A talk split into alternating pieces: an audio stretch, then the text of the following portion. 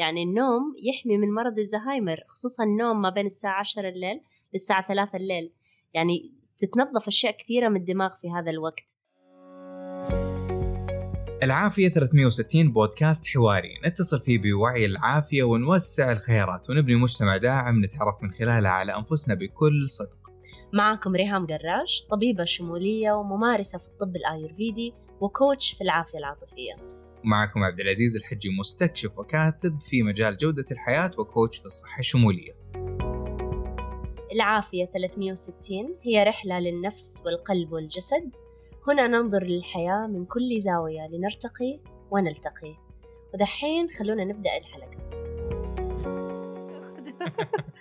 طيب العمر العمر. إيش فكرة العمر والعافية؟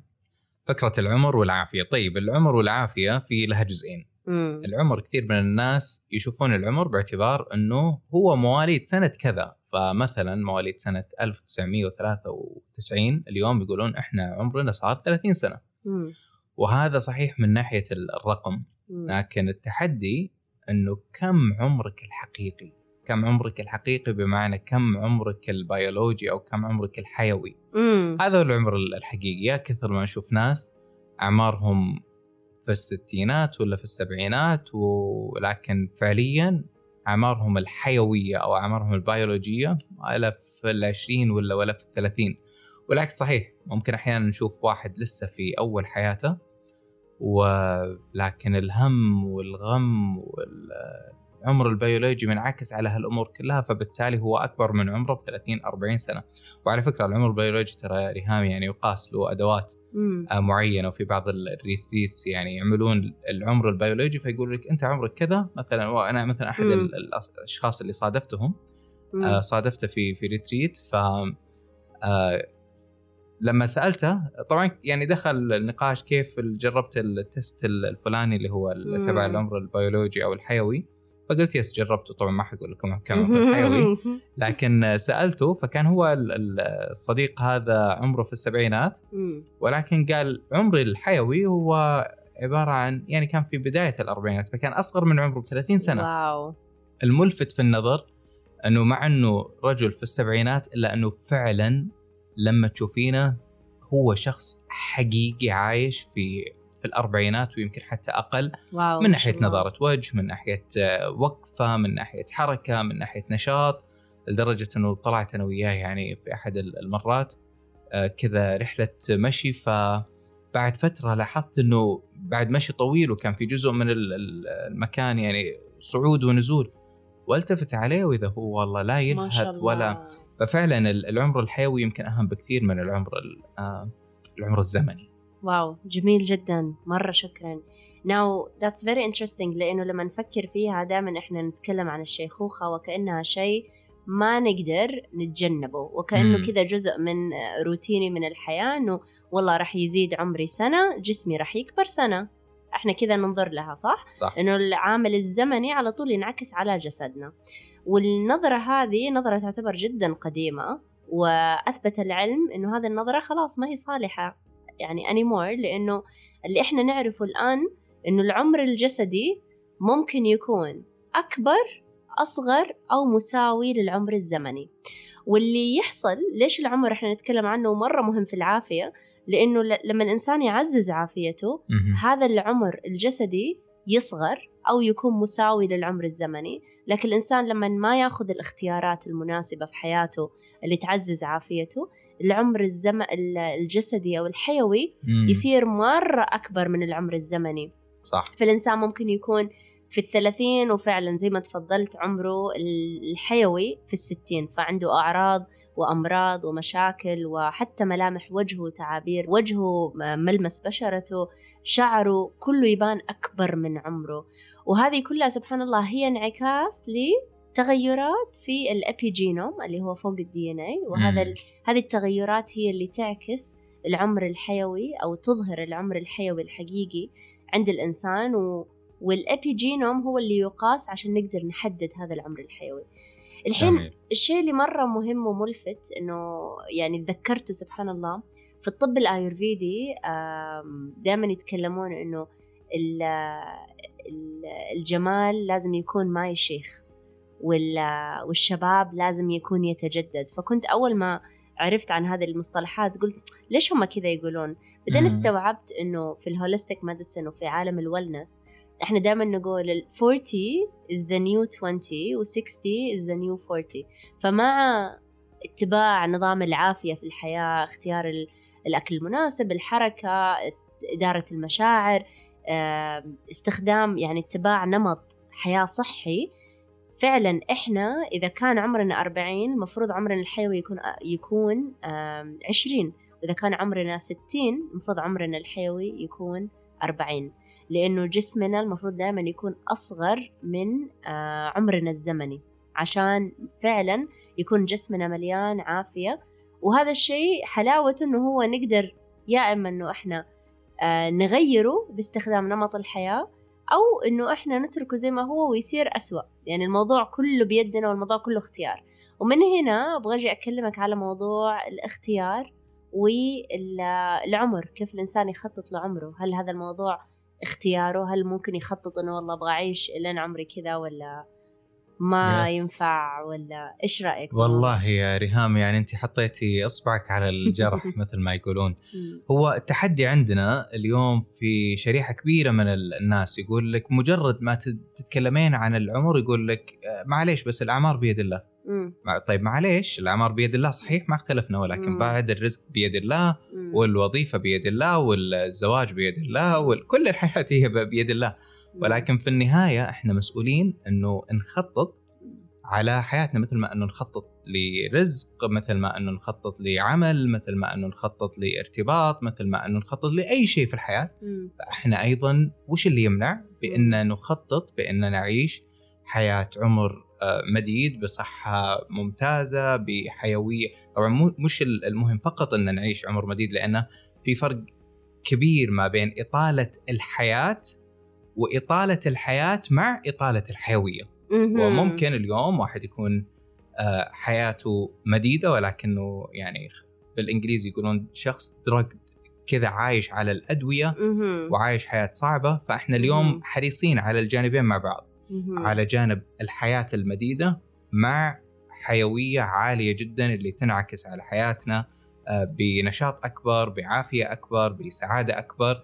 ويمكن انت لامستي قبل شوي ريهام نقطة مرة مهمة اللي هي قضية الشيخوخة. الشيخوخة في نهاية الأمر اليوم حتى بعض العلماء يتعاملون معها باعتبار أنها شكل من أشكال الأمراض.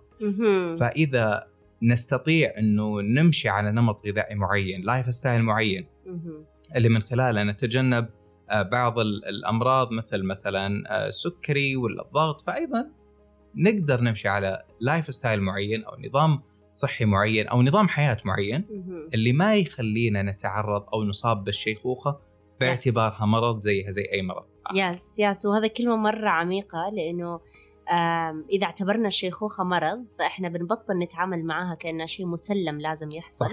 ونبدأ نتعامل معاها على إنها مرض نقدر نقي نفسنا منه لأنه الشيخوخة في الأخير معناها أمراض قلب زهايمر سكري تعب آه، خمول إجهاد نسيان معناها كل المشاكل اللي الناس اللي هي تعتبر مشاكل مزمنة نجمعها مع بعض وجذرة هذه كلها هو الشيخوخة. يعني في الأخير الشيخوخة لما تحصل على مستوى حيوي في الجسم تبدأ هذه الأمراض كلها تطلع الزهايمر القلب وغيره.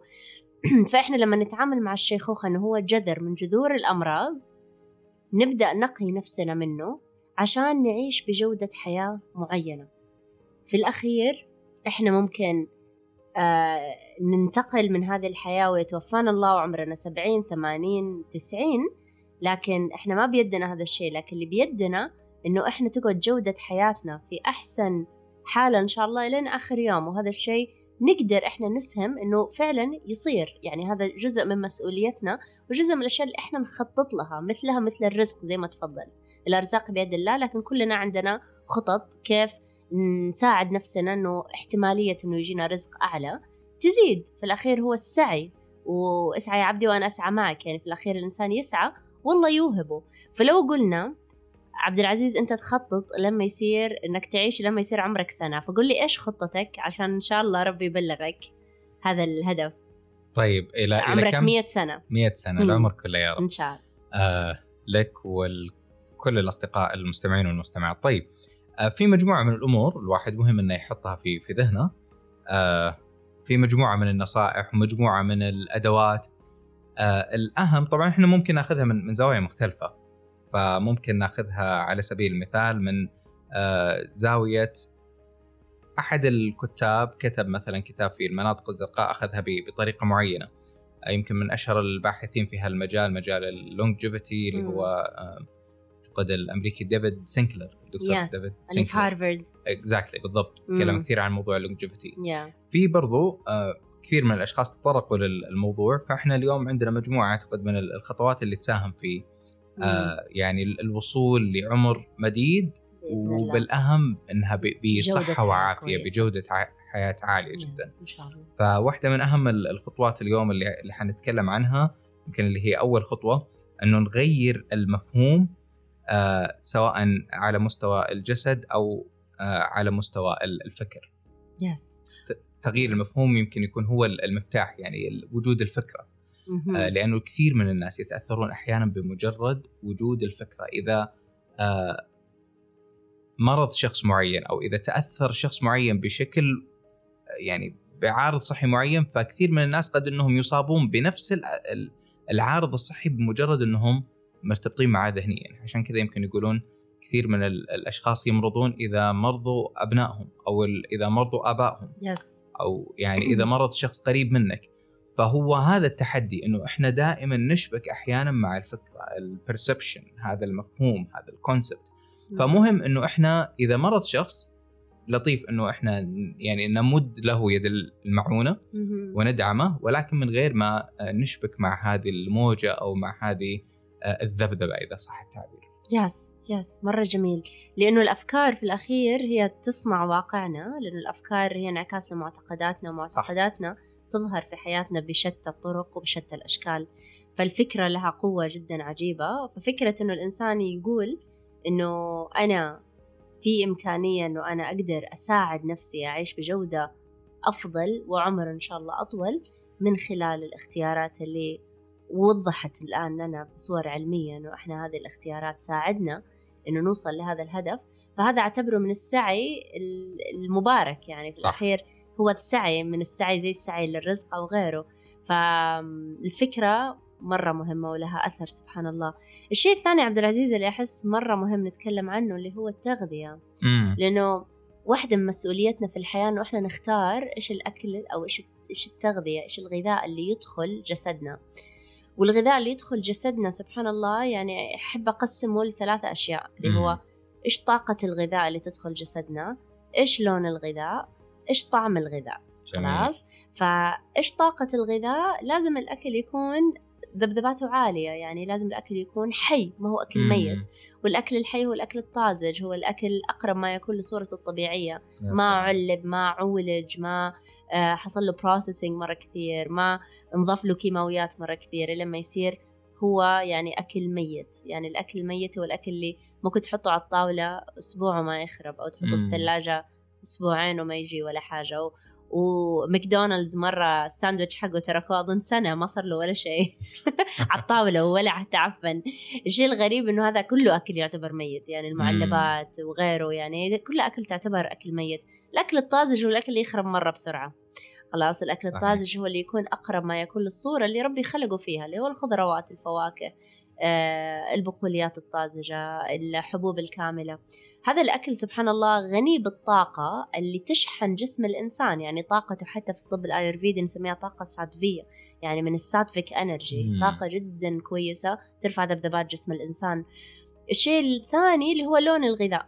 يعني لون الغذاء لازم ن... يعني لون الغذاء هو انعكاس للفوائد والأشياء اللي موجودة الفوائد والمغذيات اللي موجودة جوا الأكل مم. فضروري إنه إحنا ننوع ألوان الغذاء ننوع يعني ناكل قوس قزح يعني في اليوم نشكل ألوان كثيرة عشان نتأكد إنه جسمنا أخذ كل العناصر الفيتامينات والعناصر الغذائية اللي هو يحتاجها الشيء الثالث اللي هو طعم الغذاء يعني في الطب الآيورفيدي عندنا ستة أذواق. مم. ضروري إن الإنسان يأكل هذه الستة أذواق بتوازن ما يركز بس مثلا على مثلا مثلا على الطعم ال spicy أو المالح في أكله وينسى باقي الأذواق. لازم ينوع يأخذ الأذواق كلها. الأذواق هي ال pungent astringent اللي هو الحادق واللاذع آه، الحلو المر المالح الأذواق هذه كلها تمثل أكلات جدا طبيعية يعني هي موجودة أصلا في الطبيعة. فمثلا الطعم الحلو أنا ما أتكلم هنا عن كيك لأنه طبعا الكيك ما هو مناسب أبدا. أنا أتكلم على الحبوب الكاملة تعتبر حلوة الأرز يعتبر حلو البطاطا الحلوة البطاطا الحلوة. يس الجزر ال ال اللي برضو يعتبر حلو البيض يعتبر من الأشياء الحلوة لأنه آه إيش كمان من الأشياء الحلوة؟ تعتبر آه مثلا الفواكه تعتبر من الأشياء الحلوة. صحيح. فلازم الإنسان ينوع بين هذه الأذواق ما يركز على طعم واحد. يعني أنا بس أكلي كله مالح وحامض آه أنا أكلي كله حلو. لازم ينوع آه عشان الإنسان يحصل على التغذية اللي هو يحتاجها. في كتاب مرة جميل نزل اسمه The Younger You في له assessment يعني اللي ما يبغى يسوي تحليل العمر الحيوي. ممكن ينزل هذا الكتاب أو يدخل على موقع الكاتبة نفسها وفي assessment في زي المقياس لعمرك الحيوي. عشان تشوف قديش عمرك الحيوي الآن بمجرد ما تحل هذا الاختبار. عشان توفر عن نفسك المبالغ لأنه قياس العمر الحيوي باستخدام الأبيجينيتك آه غالي جدا فوق الثلاثة آلاف ريال حاليا. لكن إذا تبغى تحل الاختبار ممكن ما يكون نفس الشيء ما هو أكيوريت مرة لكن قريب يعني وكفاية إنه الإنسان يقدر يستخدمه ويقيس عمره الحيوي. قبل وبعد البرنامج الغذائي اللي هي تطرحه. البرنامج الغذائي هو برنامج غذائي يساعد الابيجينوم في ال DNA إنه هو يبدأ ينبني مرة ثانية عشان الشيخوخه تنعكس في الخلايا ويصغر عمر الجسد خلال ثلاثة شهور من بداية الخطة. فالغذاء مرة له أثر مرة قوي على عمر الإنسان وعلى شيخوخته وعلى تجديد شبابه أصلا. طبعا. وأحس ضروري نتكلم بس على ال epigenome إيش يعني؟ لأنه كثير من الناس سمعوا بال DNA بس ما يعرفون إيش يعني epigenetic ف epigenetic هو basically مجموعة من البروتينات موجودة فوق ال DNA تتحكم في آه ال expression حق الجين أو ال suppression. آه تتحكم في آه تفعيل الجين أو إطفائه. فهي هي هذه ال epigenetic زي كأنها مفتاح باب. تفتح الجين وتقول له اشتغل أو تقول له اطفي وال epigenetic مية بالمية نقدر نأثر عليها باستخدام نمط حياتنا. مم. فعشان كذا كثير من مشاكلنا الصحية أكثر من 90% منها نقدر نعالجها بنمط الحياة لأنه نقدر نغير ال epigenetic اللي فوق ال DNA باستخدام نمط الحياة. فكذا إحنا نقدر حقيقي نعالج نفسنا ونأثر بطريقة مباشرة على ال epigenome عشان عمرنا الحيوي يصغر. عشان مشاكلنا الصحية إن شاء الله تتعافى وعشان حيويتنا تزداد بإذن الله ووظائف جسمنا تتحسن. جميل. يمكن لمستي نقطة يعني مرة مهمة ريهام قضية أنه الغذاء الحي لأنه كثير من الناس أو إحنا ما نفرق بشكل عام ما بين الغذاء وما بين المواد القابلة للأكل. هو اليوم السوبر ماركت والحياة يعني مع الحركة الصناعية قاعدة توفر كمية هائلة من المواد القابلة للأكل ولكن هي في الواقع وفي العمق هي ليست غذاء الغذاء وما يغذي الجسد ما يغذي yes. الجسد وينعكس على الجسد يعني في نهاية الأمر حتى المقولة الشهيرة اللي تقول آه يعني أنت ما تأكل لأنه بشكل أو بآخر الغذاء يتحول آه إلى الدم والدم يتحول إلى الأنسجة والأنسجة تتحول إلى آه العضلات وهي التي التي تخلق يعني ال أو تساهم في تجديد الخلايا. ففي نهاية الأمر الغذاء مهما كان بسيط إلا أنه حيأخذ الدورة اللي المفترض أنه يأخذها وبعدين حينعكس على على جسمك إما بصحة ونشاط وحيوية وعافية نعم. أو العكس. فمهم جدا أنه ننتبه لقضية الغذاء. طيب تكلمنا يمكن عن جزئيتين. يعني حتى الآن. خلينا نتكلم بعد نضيف جانب آه ثالث. في مسألة الصحة بشكل عام وهو جانب آه، يمكن كثير من الناس يغفلون عنه وهو جانب النوم. مم. وأهمية النوم إكسير الشباب. إكسير الشباب بالضبط. آه كثير من الناس يعتقدون إن النوم هو مجرد آه الفقد الوعي لمدة آه يعني لمده محددة من الساعات. آه فالسؤال هل فعلا إحنا اليوم ننام ولا إحنا نفقد الوعي؟ آه، وبعدين نصحى من اليوم الثاني التحدي عند كثير من الناس إنه النوم هو عبارة عن إني أنا أحط راسي وأنا وأختفي عن هذا العالم اللي أنا موجود فيه بينما النوم فعليا لا يعني هو أبعد من هالأمر بكثير وله المفترض آه، خطوات تسبق النوم وله يعني بعض الناس يسمونها طقوس النوم الخاصة yes. فيهم yes. كيف إنك تصل إلى النوم كيف إنك تدخل في النوم كيف إنك تنام آه، النوم الصحيح النوم العميق حتى أنه ينعكس هذا الأمر على على حياتك. فيمكن النوم جودته جدا عالية. إحنا نقضي ما بين ربع إلى ثلث حياتنا مم. في النوم تقريبا في المتوسط. آه ولكن كثير من الناس بالنسبة لهم هي عمر ضايع. يعني على ممكن نستشهد كذا بالأغنية الشهيرة حقت أم كلثوم تقول عمري ضايع بيحسبوه إزاي علي. فهو مش عمر ضايع. إذا إحنا فعلا انتبهنا له وقدرنا نستثمر النوم ونرفع الجودة آه، يعني جودة النوم على أساس إنها تنعكس على حياتنا. yes yes yes وسبحان الله يعني النوم لو فهمنا حقيقي إيش اللي يحصل جوته ذكرتني بالكتاب لماذا ننام يعني مم. الكتاب هذا حقيقي عظيم لأنه يشرح لنا عالم النوم هذا إيش فوائده على مستوى جسدي وعلى مستوى نفسي يعني على مستوى جسدي وقت النوم هو الوقت اللي جسمك يقدر يطهر فيه السموم المتراكمة في الدماغ يعني النوم يحمي من مرض الزهايمر خصوصا النوم ما بين الساعة 10 الليل للساعة 3 الليل. يعني تتنظف أشياء كثيرة من الدماغ في هذا الوقت. آه النوم آه يعزز عافية الجسم وحتى يقوي مناعة الجسم. عشان كذا اللي عنده أطفال يلاحظ مثلا إذا هم مسخنين ولا مزكمين ولا أي شيء أغلب الكحة والسخونة ترتفع آخر الليل. ليش؟ لأنه المناعة تقوى في هذا الوقت. فالجسم يبدأ يحارب الفيروسات البكتيريا الشيء اللي ما يحتاجه في الليل. فالليل آه، وقت الليل والنوم يقوي المناعة. وقت النوم آه، يجدد الشباب. ما نقدر نقول للإنسان والله تعال بشرتك راح تصير أروع شيء مع هذا الكريم ولا مع هذا الدواء هو ما ينام. لازم ينام عشان وقت النوم فعلا الشباب يتجدد. يعني مقولة شهيرة أنه النوم هو إكسير الشباب الحقيقي. النوم خصوصا في الليل مو أي وقت.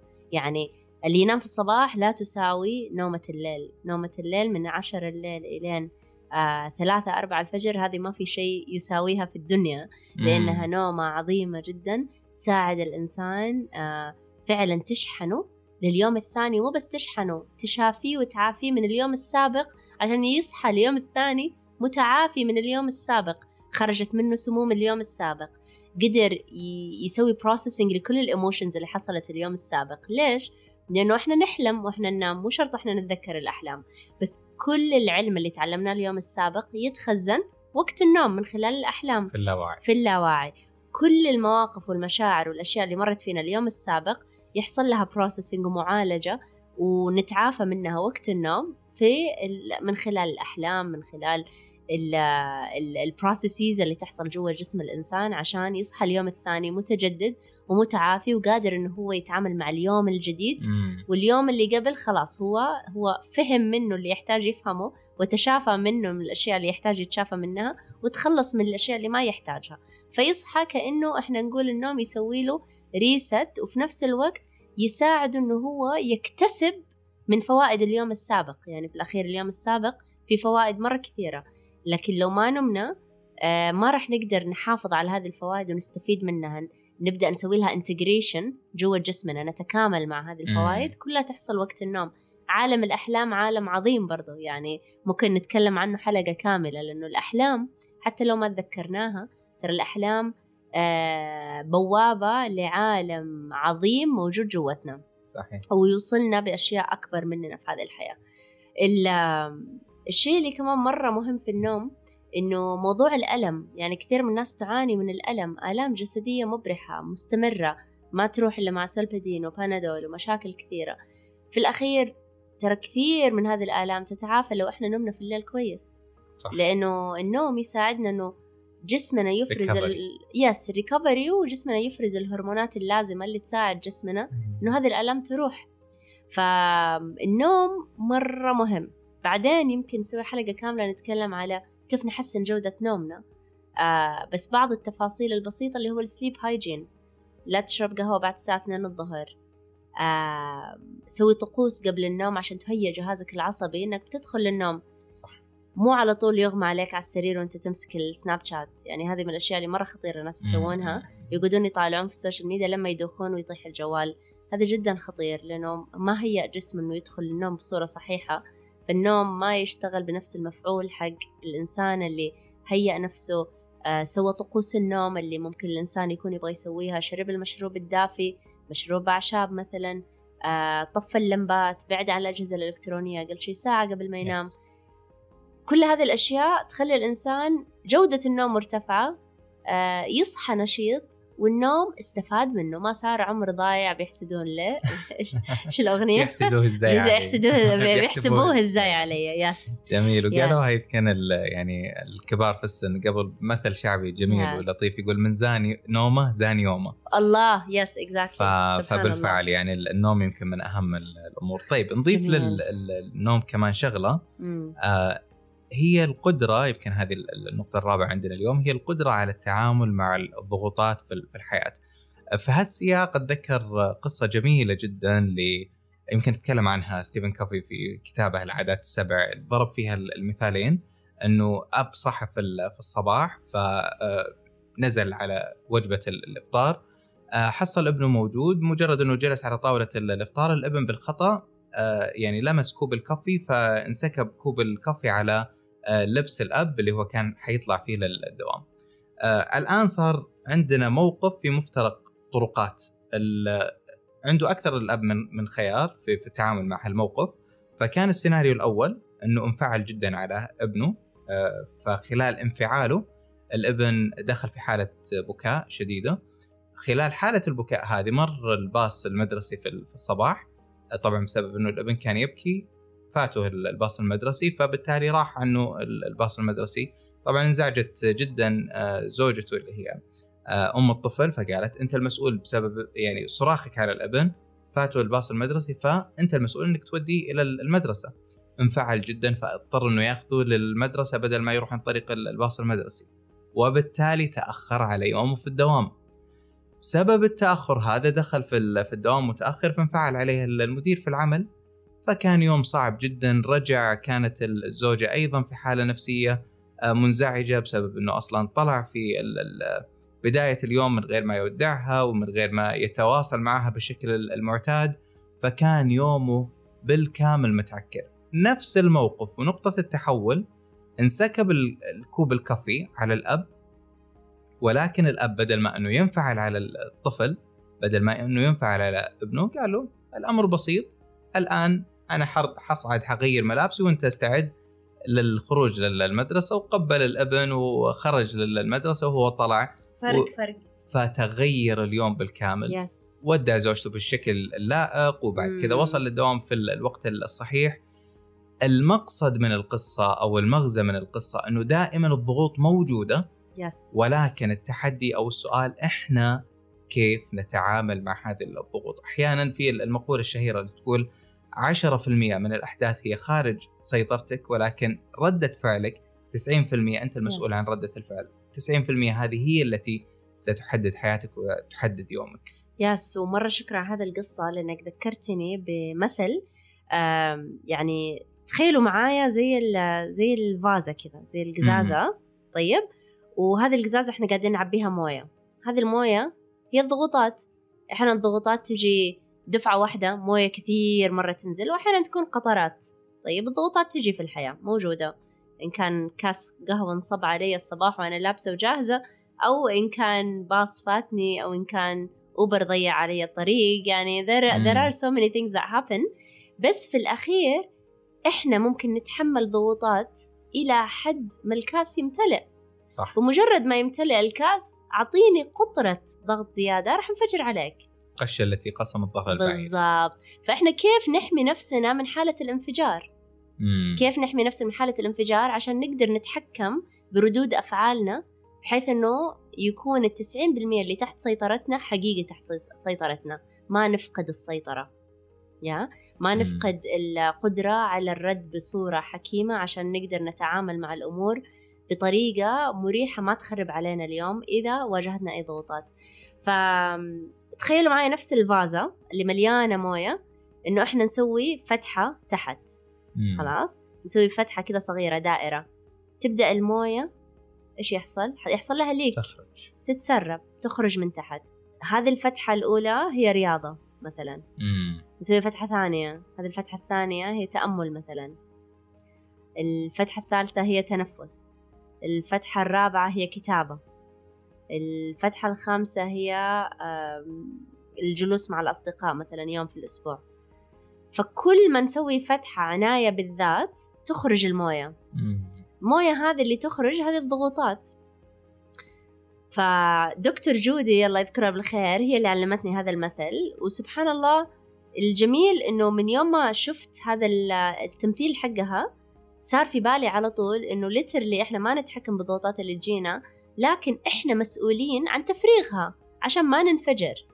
لأنه الانفجار اللي يحصل مع ضد كاسة القهوة هذا انفجار بشري طبيعي لما الإنسان يكون مضغوط جدا. مم. حتى كلمة مضغوط أنا علي الضغط أنا مضغوط أنا مضغوط.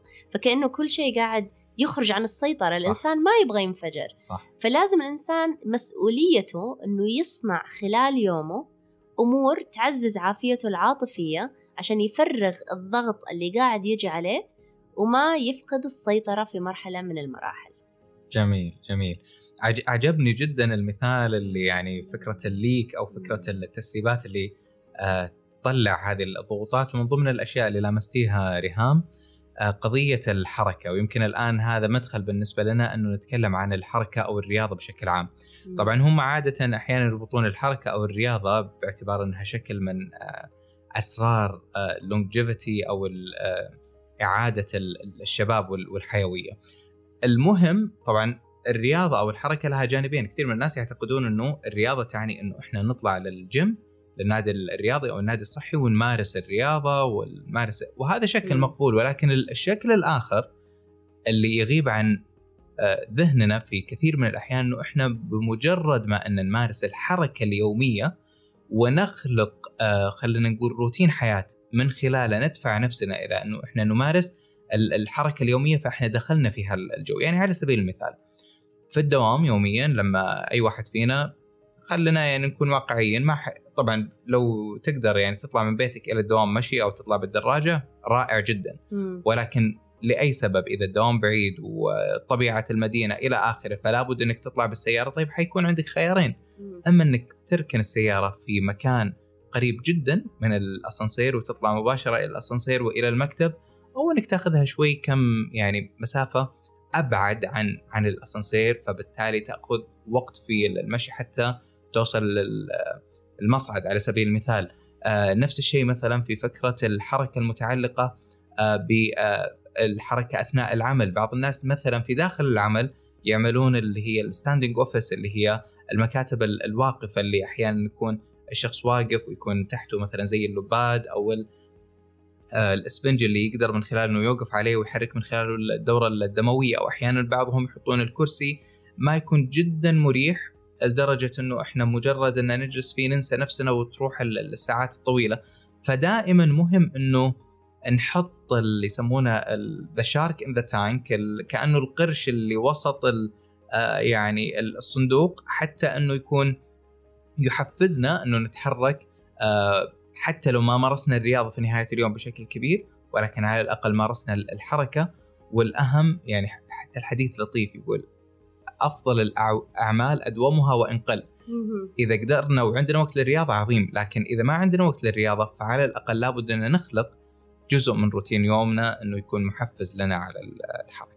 جميل ومرة شكرا ذكرت هذا الموضوع لأنه موضوع الحركة مع الدوامات الطويلة دائما يكون مسبب عقدة للناس يعني مم. اللي كيف أنا أبغى أسوي رياضة بتحرك بس ما أنهي دوامي بعد 12 ساعة شغل أكون منهك ماني عارفة أشتغل وطول اليوم جالسة على الكرسي وفي الأخير how can I work out وهذا السؤال دائما يجيني وفي للأمانة أنا نفسي كان عندي هذه المعضلة كيف أتحرك مع دوامي اللي مرة طويل مع شغلي اللي مرة طويل مع مم. حياتي at the end of the day يعني أكون مرة exhausted ولما أنا بروح الجيم الصباح أصلا الجيم ما يفتح.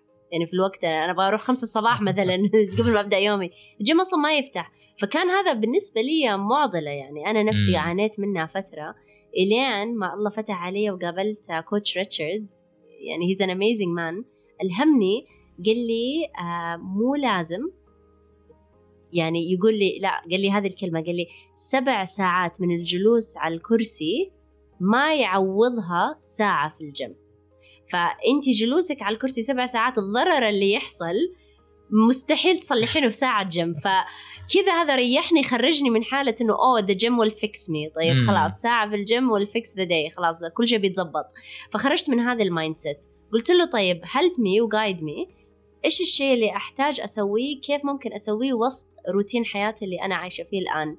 أنا أقدر آكل الحمد لله. كويس أنام كويس عندي إدارة آه، تفريغ مشاعر مرة كويس. بس الحركة هذه اللي لسه أنا قاعدة أعاني معاها مي ظابطة. الهمني الهمني جدا بموضوع زي ما تفضلت الحركة. فالهمني أشتري الكورة هذه ال sitting ball. يعني بدل ما أجلس على كرسي أجلس على هذا ما أدري إيش يسمونها الكورة هذا اللي على الأرض يصير أجلس على هذا الكورة بحيث إنه ما في شيء يسند ظهري ما في شيء يسند رجولي. أنا literally معلقة وعضلاتي كلها مشدودة وجالسة على هذا الكورة. هذه الكورة تخليني أتحرك لأنها مش مريحة. فتخليني بالكثير أجلس على نص ساعة بعدين أقوم أوقف بعدين أرجع أجلس.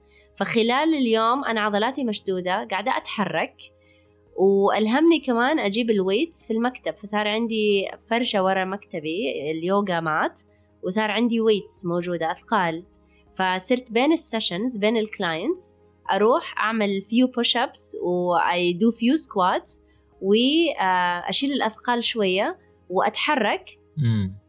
حقيقي حقيقي ما خصصت وقت كفاية بس بعد مرور عشر أيام فقط لاحظت عضلات جسمي كلها انشدت بطريقة مرة سريعة.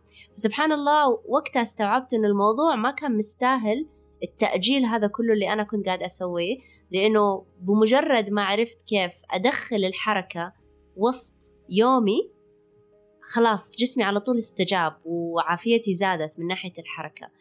آه الشيء الحلو اللي كنت أشوفه أحيانا برا وما كان متوفر عندي اللي هو موضوع السير اللي موجود. يعني إحنا ممكن جزء كبير من عملنا نقدر نسويه وإحنا قاعدين نمشي. يعني مكالمات آه اجتماعات على الزوم كلها نقدر نسويها إحنا نمشي.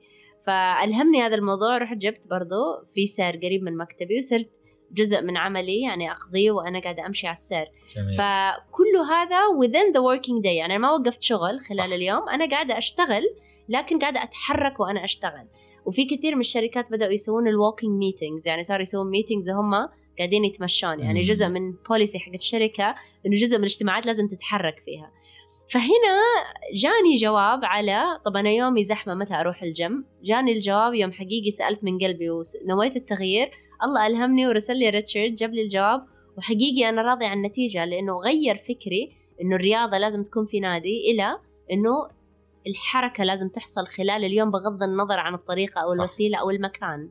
صح دائما يقولون if there is a will there is a way. إذا كان في الرغبة الحقيقية إحنا سنجد الطريق. أعتقد yes. اليوم يعني تكلمنا في مجموعة mm. من الأمور المهمة جدا عن آه، الصحة والعمر المديد. يعني إذا بنجيبها بطريقة سجعية يقولون العمر المديد والصحة الحديد.